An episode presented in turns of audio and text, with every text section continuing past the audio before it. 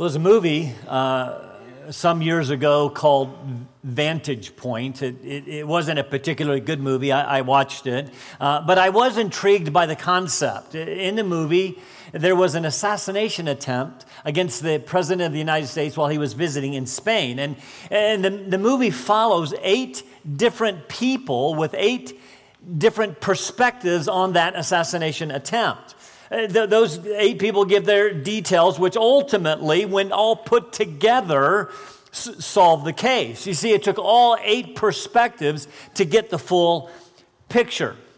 Uh, that's the idea in the New Testament, I think, of four uh, different gospel narratives, four vantage points, four perspectives on the life of Christ. Matthew, Mark, Luke, and John, each together, give us a a full orbed picture of Jesus. Now, as, um, as we know, uh, uh, Matthew and John were disciples, two of the 12 who had been with Jesus uh, from, from the very beginning. Mark got his story, presumably from Peter, who was also one of the uh, one of the 12. Luke was, we saw a physician and a meticulous historian who carefully researched and recorded his, his gospel. Uh, as I suggested when we began Mark, as you read the, the Gospels, the first four books of the New Testament, you begin to notice that those first three, Matthew, Mark, and Luke, well, they're quite similar. That's why they're called the synoptic Gospels. That's what it means to be seen um, together. Uh, now, 90% of John is not in those uh, synoptic Gospels, but again, as I, I shared with you, um, in our introduction to Mark, while they are similar, it is, it is rightly noted that there is a different focus, a different perspective, a different vantage point to, to be found in each one of those gospels. I share these with you. Mark, or excuse me, Matthew was written to the Jews uh, to present Jesus as the King of the Jews. Mark was written to Gentiles to present Jesus as the suffering Son of God. Luke was uh, written to present Jesus as the perfect Son of Man to display his perfect humanity. And then John was written to present Jesus as the perfect Son of God declaring his perfect deity. He even gets to the end of the Gospel of John. He said, These things have I written that you may know that Jesus is the Christ, the Son of God, and that by believing you may have life in his name. He tells us why uh, he wrote. So, while accurately writing under the inspiration of the Holy under inspiration of the Holy Spirit, the authors, though, had very specific purposes. And this difference in focus is, is, is really seen in our text today. Turn in your Bibles uh, this morning to Mark chapter 1 as we continue our study, our new study of this particular gospel, the second gospel. Last week we saw the introduction of the Son of God. That is, some 30 years after his birth, Jesus the Christ, the Son of God, is revealed. The forerunner has announced his coming. People by the hundreds, maybe even the thousands, had prepared for his coming by turning from their sin and being baptized by John uh, in the Jordan, just like all of you were as you were walking in this morning. Uh, Jesus himself um, came uh, to be baptized. Although he had never sinned, he, w- he was perfect uh, and had nothing of which to repent. He was baptized. I suggested to identify with sinful humanity and perhaps to give us an example uh, to follow. But, but by doing so, uh, Jesus was prepared to begin his ministry. Well, Almost. there yet remains one event.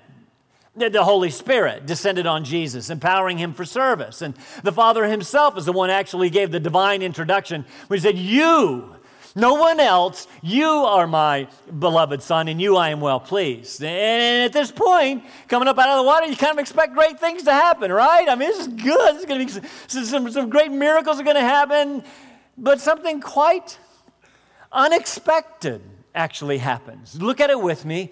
Uh, Mark 1, verses 12 and 13, two whole verses today. Uh, immediately, the Spirit impelled him to go into the wilderness. And he was in the wilderness 40 days being tempted by Satan. And he was with the wild beasts, whatever that means. And the angels were ministering to him. Now, this is, this is interesting. The very first thing that Jesus had to face after this divine introduction was not the adoring crowds, although it should have been. It was not the worship of the, of the disciples. They weren't even in the picture yet. It wasn't the, the, the religious leadership who should have come and bowed in his face. The very first thing that Jesus faced was opposition from Satan himself. And, and from this story, specifically, listen carefully, specifically the way that Mark shares it, we learn some very important truths. Uh, this morning, we're simply going to look at those two verses. We're going to look at the timing of the temptation, very intriguing, and then the purpose of the temptation. When I say purpose, what, what specifically was Mark's purpose? You see, both Matthew and Luke's, both Matthew 4 and Luke 4, their accounts are considerably longer. 111 verses 113 verses that have a lot more detail. What? What's, what gives with Mark? Why is he so short? Did he know? I mean, maybe he didn't, maybe, maybe Peter didn't tell him enough. Uh, what's, what's the deal here? He should have just left this out. I mean, he, he doesn't tell us about the conversation between Jesus and Satan. He doesn't tell us about Jesus fasting for 40 days. I mean, that's a long time. Uh, but he did, and, and he doesn't even tell us that Jesus is successful. We don't even know when we get to the end of Mark's account that Jesus is in. Now, we can assume that as we read the rest of the, uh, of the gospel. But, but Mark, what are you doing? What are you trying to communicate? Now, listen to me. If we try to fill in the blanks, if we try to go to the other gospels, I think we miss Mark's point. So I'm going to try really hard. I'll refer to them a couple of times, but I'm going to try really hard not to go to the other gospels like that Mark was somehow lacking. Mark's is the problem. Let's help him out. Tell you something else that it's not. While I will make application to us, uh, that Jesus is an example to us in the way that he faced temptation, and I think that he is, and I think that's a valid understanding of the text. That's not Mark's primary purpose. Is for Jesus to be an example for us. Is something entirely different. Let's begin by looking at the timing of the temptation. As we know, Jesus was just entering his public ministry, time to put the hammer and nails uh, uh, away. The Holy Spirit has descended. His identity has been revealed by God Himself. You would expect Jesus to kind of burst on the scene with a miracle or two, maybe heal a sick person or calm a storm, raise the dead, drive out a demon. You know, Jesus, do something. It's not what happens. The first thing that he faces is the prince of demons called Satan here himself. Now, I suppose now we need to talk about this Satan for just a minute. The, the word, the name Satan uh, actually means adversary or accuser. In the early days of the Old Testament, it was actually just a general uh, a term to refer to an accuser or a, uh, uh, an adversary, but it, it, came to be used as a proper noun to describe this particular person. In the scripture, he's called the old serpent, the slanderer, a murderer, the father of lies, our adversary, the God of this world, the prince of the power of the air, the accuser of the brethren, uh, of the brothers, Beelzebub, the prince of demons, Abaddon, Apollyon, both of which, by the way, mean destroyer, the, the devil. He, he, is, he openly opposed from the very beginning God and his purposes. He started his opposition uh, to man as early as in the Garden of Eden when he successfully tempted Eve to, to eat the forbidden fruit. He appears in heaven in the book of Job, another very early book requesting permission to devour Job. And well, he's given permission. And later he, he, he wanted to sift Peter like uh, like wheat, and it seems somewhat successful. Peter tells us he's like a roaring lion prowling around seeking someone to devour. He is out. I want you to understand that he is out to get us, to oppose us, to cause us to stumble, to fall, and to devour us. He is not. Let me be perfectly clear. He is not some abstract idea representing evil. No matter what you've heard, like this, like this old fashioned, really old thing that we need to put aside. No, he is a real person. He is as real as you and me. We are told to resist him, stand firm, to be aware of his schemes, to draw near to God, who will then draw near to us, causing the devil to flee. By the way, that is how you battle the devil ultimately, is by drawing near to God. Because when you are close to God, Satan doesn't want to be around. We're going to find that in our, uh, in our study. Uh, beyond any hope of redemption, Satan uh, is and always will remain the enemy. Well, to a degree, because his end is sure. Victory belongs to God. Satan has already been defeated. and he will ultimately and finally be defeated when Christ returns in great glory and he is cast into the lake of fire. But until then, his, uh, he, he fires his flaming arrows against us. He will unleash his deadly arrows against you if you are a son or a daughter of God. Now, let me be clear when I, when I say that he or the forces of evil. Every once in a while, we, we kind of have this tendency and to, to, put Satan on too high of a, uh, I don't know if you use the word pedestal or not, but we kind of have this tendency to, to make Satan almost equal to God, right? And like they're having, they're duking it out. They're having this, they're having this battle. Let me be clear. Satan is God's Satan. Let me be clear. Satan is, does not possess the attributes of God, meaning he is not omnipresent. All right? So when you say the devil made me do it, probably not. And I suspect that Satan is probably not in Boone, North Carolina. He probably has other more important places to be. I don't know, somewhere in the Middle East, hanging out with the president of Iran. I don't know. That's just a guess. It's probably right. But there are forces of evil, there are demons who uh, equally seek to destroy dest- destroy you. And I know you, you believe in demons. Yes, I do. This is this one, Satan, is one who opposed the newly introduced Son of God. As Jesus was now prepared to enter his public ministry, Satan was now prepared to do battle. In fact, some suggest this temptation was Jesus' final preparation, which I think gives us perhaps a little glimpse into Mark's purpose. You see, at the very least, Mark is emphasizing that this is all a spiritual struggle.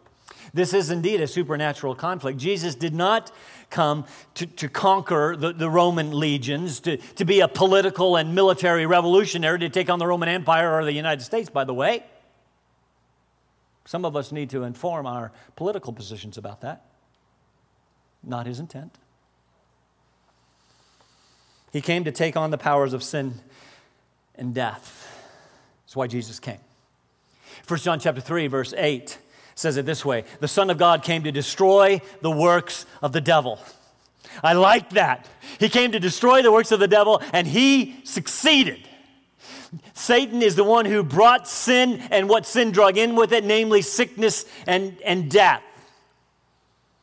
I love the way Hebrews says it in chapter 2. Therefore, since the children, that's you and me, shared in, share in flesh and blood, he himself, that is Jesus, likewise also partook of the same, that is flesh and blood, that through death he might render powerless him who had the power of death, that is the devil.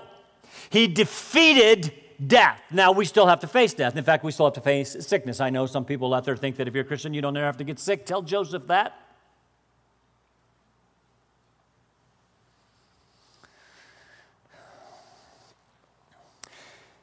But ultimately, Satan is defeated. And the last enemy to be destroyed is death. This short story prepares us for coming spiritual battle with the spirit and the angels on one side and Satan and the wild animals on the other. Guess who wins? If last week was an introduction to the protagonist, the Son of God, this week is an introduction to the antagonist, the adversary, the one who opposes God, his plan, and his Son, but who will ultimately find defeat. This is a cosmic battle going on. Now, I find this, the timing of this temptation very interesting. Because a very important principle for us this morning, and I'll apply it to us, is this if God is active, and He indeed is, the enemy will be active as well. You see, if Jesus, if Jesus would have just, well, if he would have just stayed in Nazareth, if he had just stayed a carpenter and kept on making yokes and hand tools and small furniture, Everything would have been just fine. But as soon as he stepped forward as the Son of God, things heated up, life got tough. Have you not found that to be true in your own life? Hmm. when you decide to get serious for God. Haven't you found that it's then that everything seems to fall apart? You know, as long as you go your own merry way. People in our country, you know, a Christian nation, no, we aren't. Uh, you know, and, and, and people in, well, let's take the Boone, or maybe in churches, or why don't we take it to this church, all right? As long as you tip your hat to Christianity, everything seems to more or less go okay. But you decide to start re- becoming more faithful, right? You decide, I'm going to start reading the Bible more faithfully. I'm going to get serious about my prayer life because you understand that in order to be a fully devoted follower of Jesus, you got to talk to him every once in a while. Uh, Paul Dagger shared a, a, a, devotion with the elders just a week before last, and, and, and he talked about how that if we don't pray, pray regularly, we're nothing but functional atheists. Think about that one a minute. Yeah, we're going to get serious about praying. Going to make a commitment to be involved in ministry in, in some way. You decide to put yourself aside for a change, and you're going to be a good father, a good husband, a good mother, a good wife, a good son, a good daughter, a good brother, a good sister, a good roommate, whatever. You decide, yeah, okay, I'm going to do it. I'm going to be a fully devoted follower of Jesus. You can almost feel the Spirit descend on you in a new way with new power, and all of a sudden it heats up and everything falls apart. What's the deal? What then? Then what happens? We have a tendency to question ourselves, to question God. God, well, what am I doing wrong? Why am I facing so many trials and temptations? And I want you to know that the very simple answer is the enemy. In the words of Steve Lawson in his book on the life of Job, when all hell breaks lo- loose, it might just be that you're doing something right. See, the prosperity theology teaches just the opposite. If you do everything right, then everything's going to be okay. And the scripture teaches just the opposite. Tell Job that. Tell Jesus that. Tell Paul that. Tell the person sitting next to you that. This is Job's question Where are you, God? What have I done? Nothing. In fact, Job had done everything right, and it earned him the attention of the evil one, and it will you too. See? Can I uh, suggest, bring it closer to home, that God is doing some great things in the life of, of this church? Well, we've experienced some growth. We're building a new facility, and we might finish it one day. I don't know, maybe even before I finish Mark, doubtful.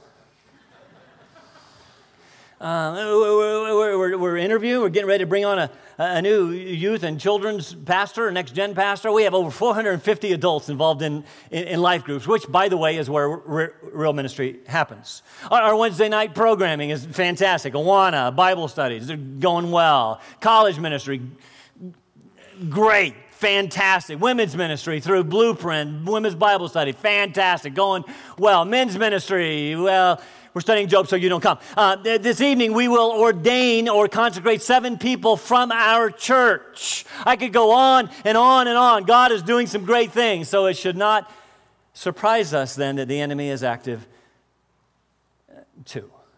In fact, we should expect it. And I, I want you to know that we are facing, you are facing attack. And, and you should perhaps see the things that are going on as the attacks of the evil one. He's attacking families. Many of you are facing some of the most difficult challenges of your married lives. Some of your marriages are on the rocks. You can no longer stand your spouse. Some of you are facing significant challenges with your children, young children, adult children, significant challenges. The enemy is attacking. Our adversary is prowling around, around seeking someone to devour. The battle for families is on. Some of you are facing significant personal, financial, or health challenges like, like Job, that was an attack of the evil one. I, I suspect some of you are battling discouragement for any number of reasons right now. You are upset with your job, you're struggling in school, you're disappointed uh, by a f- friend, you're unhappy with the church, you're unhappy with this church, you're upset with the Lord, you don't like someone or something, and you're not even sure why. I want to challenge us to not be unaware of the devil's schemes.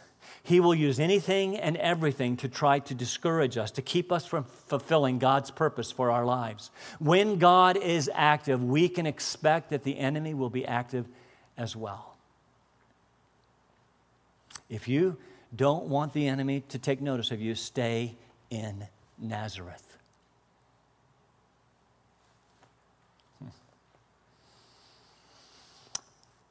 Since God is active, let's not be surprised when the forces of evil show up. Should be no such thing as a sneak attack against us. We should expect it. Be ready. Let me point out several other things before we eventually get to our next point. First, verse 12 tells us it was the Spirit who impelled Jesus to go out into the wilderness. Impelled is actually a very strong word. It speaks of being driven or cast out. In fact, the word is used of casting out demons. The Spirit cast out Jesus into the wilderness. And why? to be tempted by Satan. It was the Spirit who led Jesus into spiritual battle. Does that give you warm and fuzzies? But we remember when Jesus went, he was filled by the Spirit, which means the Spirit was there. Uh, Luke said it this way Jesus, full of the Holy Spirit, returned from the Jordan and was led around by the Spirit in the wilderness. The point is, the point is, sons and daughters of God, you too are filled by the Spirit such that you do not have to face the battle alone. As children of God, you are filled with God's very Spirit. The attacks will come. Can I remind you, greater is He that is in you than He that is in the world. Do we, do we believe that? Um, now, why, why, I guess we could ask the question why did Jesus have to face these particular temptations? One reason I would suggest is to prove his messianic credentials, to prove himself perfect, not to the Father, not to himself, and not even to Satan, but to us. He, he is, he is the Messiah. You see, I'm going to suggest this morning that the purpose of this text is more Christological than it is exemplary. It's more telling us about Jesus than telling us about me.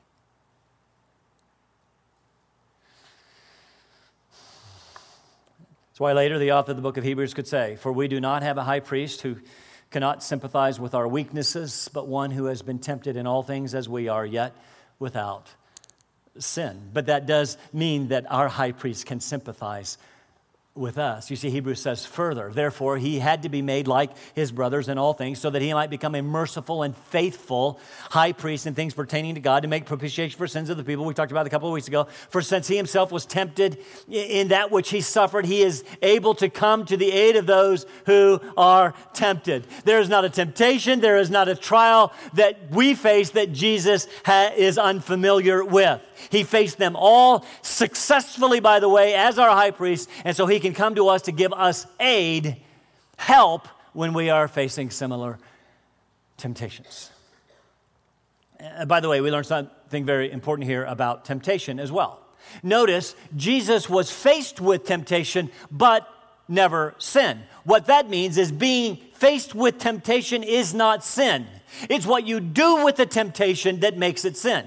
You cannot do anything about the temptations that exist out in the world, all right? You can't do anything about those things that assault your sight, assault you physically and emotionally and spiritually all day long. You know what I'm talking about, but you can keep from acting on those temptations.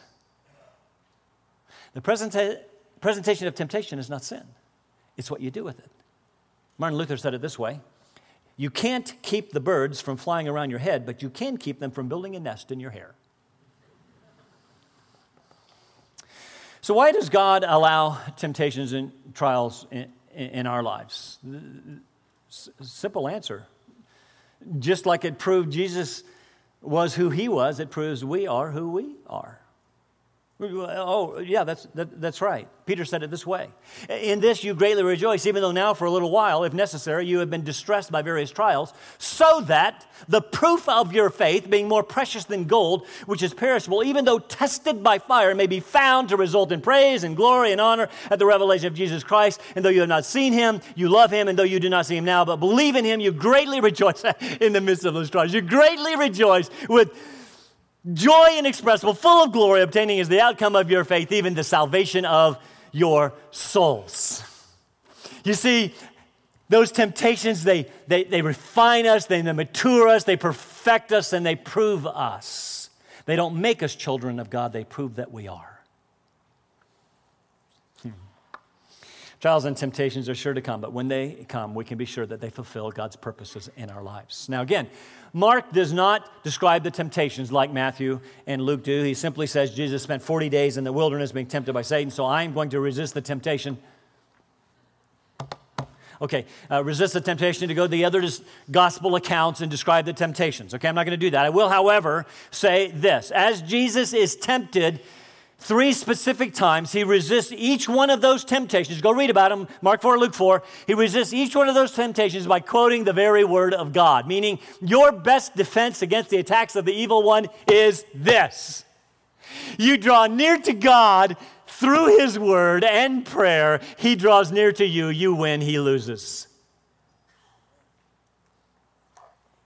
You must know the Word of God and use it. So, Mark does not describe the temptations, not his point. Not, not his point. So, what is his point? That brings us to the second point the purpose of the temptation. I'm going to suggest Mark's purpose in recording it the way he did. We see it in verse 13. And he, Jesus, was in the wilderness 40 days being tempted by Satan. And he, Jesus, was with the wild beasts, and the angels were ministering to him. Do you notice something about this? This is all about huh, Jesus. This is primarily Christological, it is not exemplary. Primarily Christological to teach us about Jesus. I want to, however, remind you that Mark was writing to Gentiles, demonstrating that Jesus was the Son of God. But not only that, he is likely writing to Christians in Rome where we're beginning to face severe persecutions. Most agree Mark wants to encourage them he, he does so by saying, hey, even Jesus suffered. As early as chapter 3, we're going to find the, the religious establishment was seeking to destroy Jesus. And here, right after his introduction, right after his baptism, right after the filling of the Spirit, he faces the onslaught of the evil one. Again, Mark does not give us the details of his victory. He will be victorious but he will face the enemy throughout his ministry. His first miracle, by the way, in this book casting out a demon. His first prolonged teaching eh, eh, in a parable in this book is binding the strong one, doing battle with Satan. He will face this cosmic battle throughout. And Mark is writing to say, if Jesus suffered, you will suffer. If he was tempted, you will be tempted. Notice Mark alone, the others do not mention this. Mark alone says that Jesus was with wild beasts. What does that mean?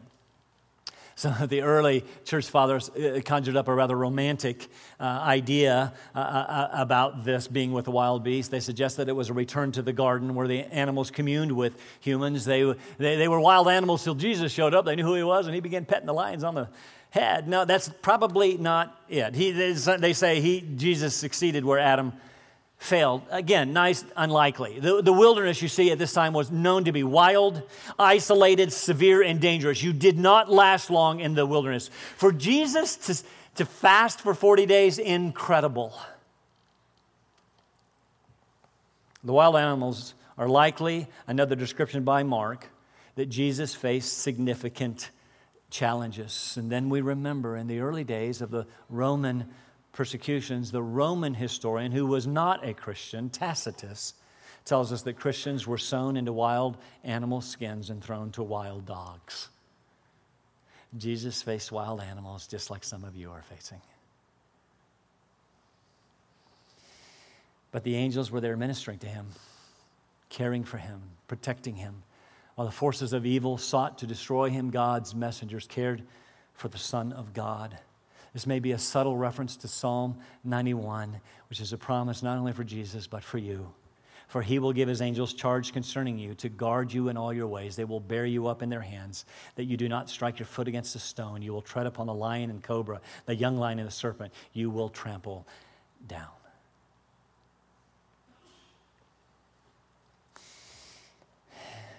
Mark's purpose throughout this entire prologue, verses 1 to 13, again, have, they are not exemplary, they are Christological. He wants us to know who Jesus was. Jesus was indeed the spirit empowered Messiah who would ultimately do battle with and defeat Satan and bring salvation to his people we are being introduced to the very Son of God. One commentary summarizes the Christological prologue quite well. The prologue portrays Jesus Christ, the Son of God, as announced by John the Baptist, anointed by the Spirit, acknowledged by the divine voice from heaven, and approved by testing in the wilderness, and is now prepared for his ministry and mission.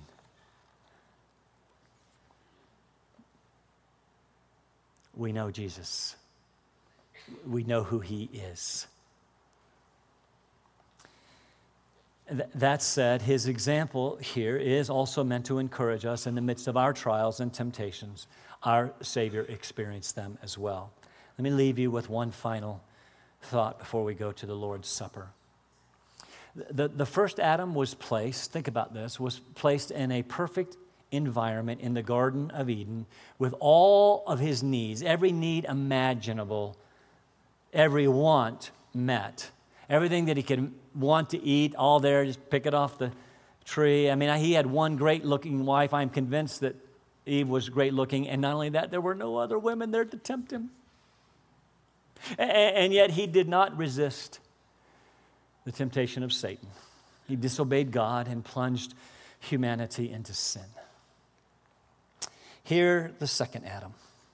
Uh, unlike the first, he's wandering in a hot, barren desert. The place is described, by the way, as an area of yellow sand and crumbling sandstone. It has contorted topography where ridges run in all directions. The hills are dust heaps, the limestone blistered and peeling, the rocks bare and jagged. Mark alone tells us that he was with the wild animals, the wild beasts. There is hardly any place that Jesus could have been that would have been more uncomfortable. He was alone, he was without food, he was hungry and yet he was filled with the Holy Spirit and therefore victorious. The point is, your circumstances and your environment have nothing to do with your ability to withstand temptation. I don't care if you do live on the campus of ASU. It has everything to do with the presence of the Spirit of God in your life. It has to do with your character. It has to do with being a fully devoted follower of Jesus. The bad news is, it, when you are a fully devoted follower filled with the Holy Spirit, you will attract attention. So don't be surprised when it comes. And when all hell breaks loose, it might just mean that you are doing something right. Stand firm. The good news is, Jesus has made victory available to available to us through his victory and the indwelling presence of the spirit of god in our lives. You can you can withstand temptation by being full of the spirit. Enough of saying the devil made me do it. You can withstand the temptation of being by being full of the holy spirit remaining close to god through prayer and bible sort of the spirit with which you do battle against the evil one you can face temptation successfully. Let's pray.